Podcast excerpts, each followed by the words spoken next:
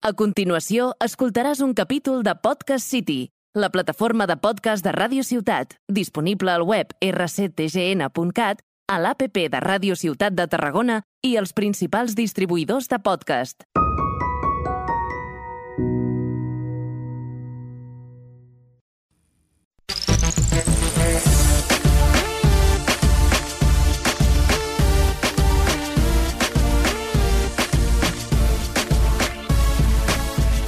Benvinguts a la segona edició del podcast Converses amb Jove Cambra.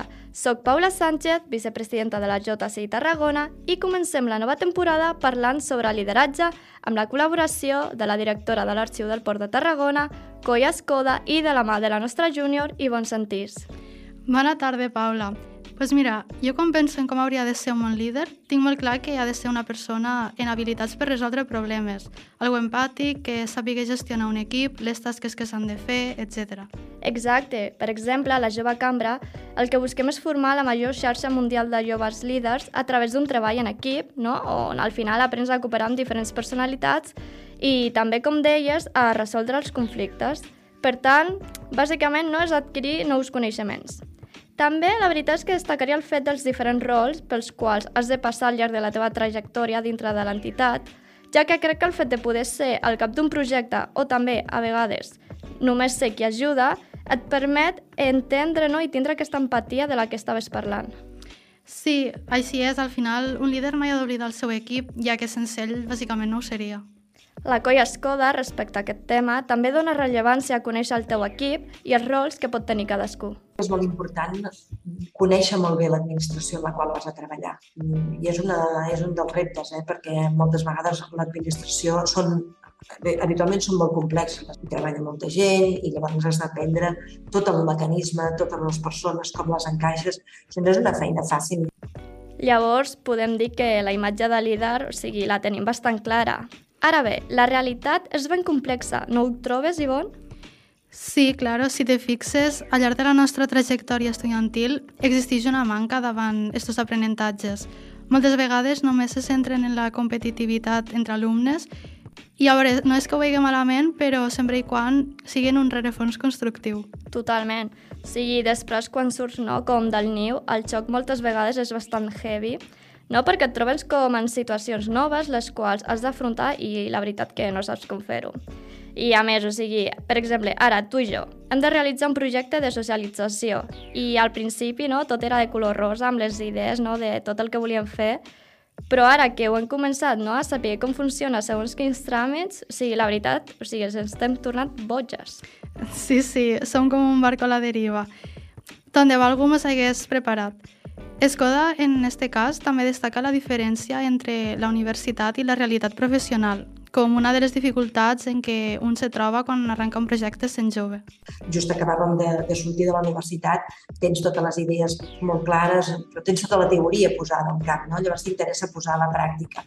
I el dia a dia és molt, molt diferent del que, del que passa a la universitat. No? Això passa en totes les feines i en totes les disciplines. A més, penso que un altre problema és la lentitud de com funcionen algunes institucions com l'administració pública. I el no tindre contactes, sobretot quan estàs començant. Sigui, si no ets ningú conegut i no tens no, com aquesta ajuda, també fa que no li donin com tanta importància al teu treball. La directora de l'Arxiu del Port posa en relleu la veterania com un element clau a l'hora d'agilitzar un projecte dins de l'administració pública la veterania ajuda molt. És a dir, any a any, i sobretot quan ja portes molt de temps en una organització, eh, saps quines portes has d'anar a tocar doncs, perquè allò sigui més efectiu. No? Jo crec, Ivonne, que aquí l'adaptar-se o morir és la clau. Hem d'assumir que hi ha coses fora del nostre control i que no les podem canviar d'un dia per a l'altre. Sobre les traves que un se troba en l'administració pública, la colla ens aconsella adaptar-nos tan aviat com puguem a aquesta dinàmica farragosa és tot una, una dinàmica que al final acabes coneixent i que senzillament t'hi has d'adaptar. No, et queda, no et queda més remei que, que seguir aquesta, aquesta roda. Has de pujar dalt del carro i has de seguir els inputs que, et donen. No, no pots anar contra corrent perquè llavors tampoc no arribaries a, a poder fer res. Veus? La colla em pensa igual.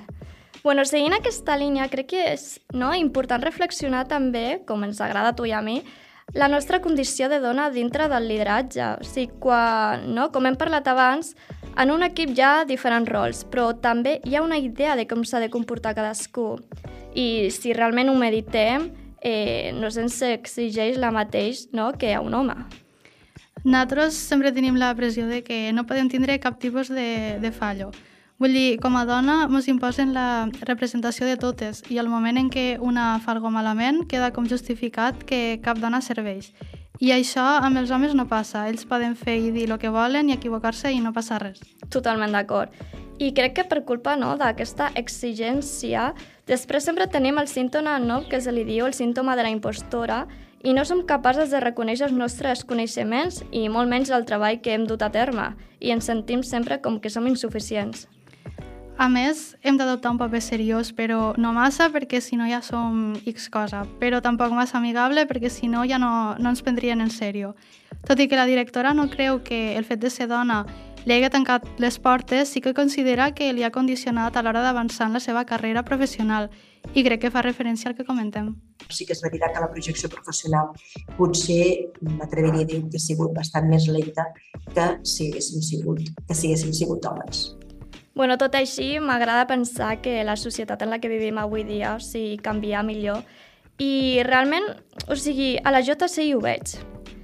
Bueno, després d'estar preguntant-nos què és un líder, no? com es fa un bon lideratge i veure que la colla això ho té més que controlat amb la seva gran trajectòria a Tarragona, em pregunto quin projecte futur més pròxim té en ment pues mira, Paula, ella mateixa ens explica que és continuar amb la digitalització de l'arxiu portuari, posant especial èmfasi en la creació d'un portal web de caràcter públic. Estem eh, centrats també des de fa uns quants anys amb el tema de la digitalització de documents. I com et deia al començament, el que volem és que aquests documents que, que digitalitzem els volem ensenyar a la gent, no volem tenir-los aquí en un disc doncs coneixent-la i veient si tot el treball que fa no tinc cap dubte de que ho aconseguirà com tot el que es proposa. I bueno, fins aquí l'episodi d'avui. Adeu, adeu, adeu. Això, Això ha estat Converses amb Jove Cambra.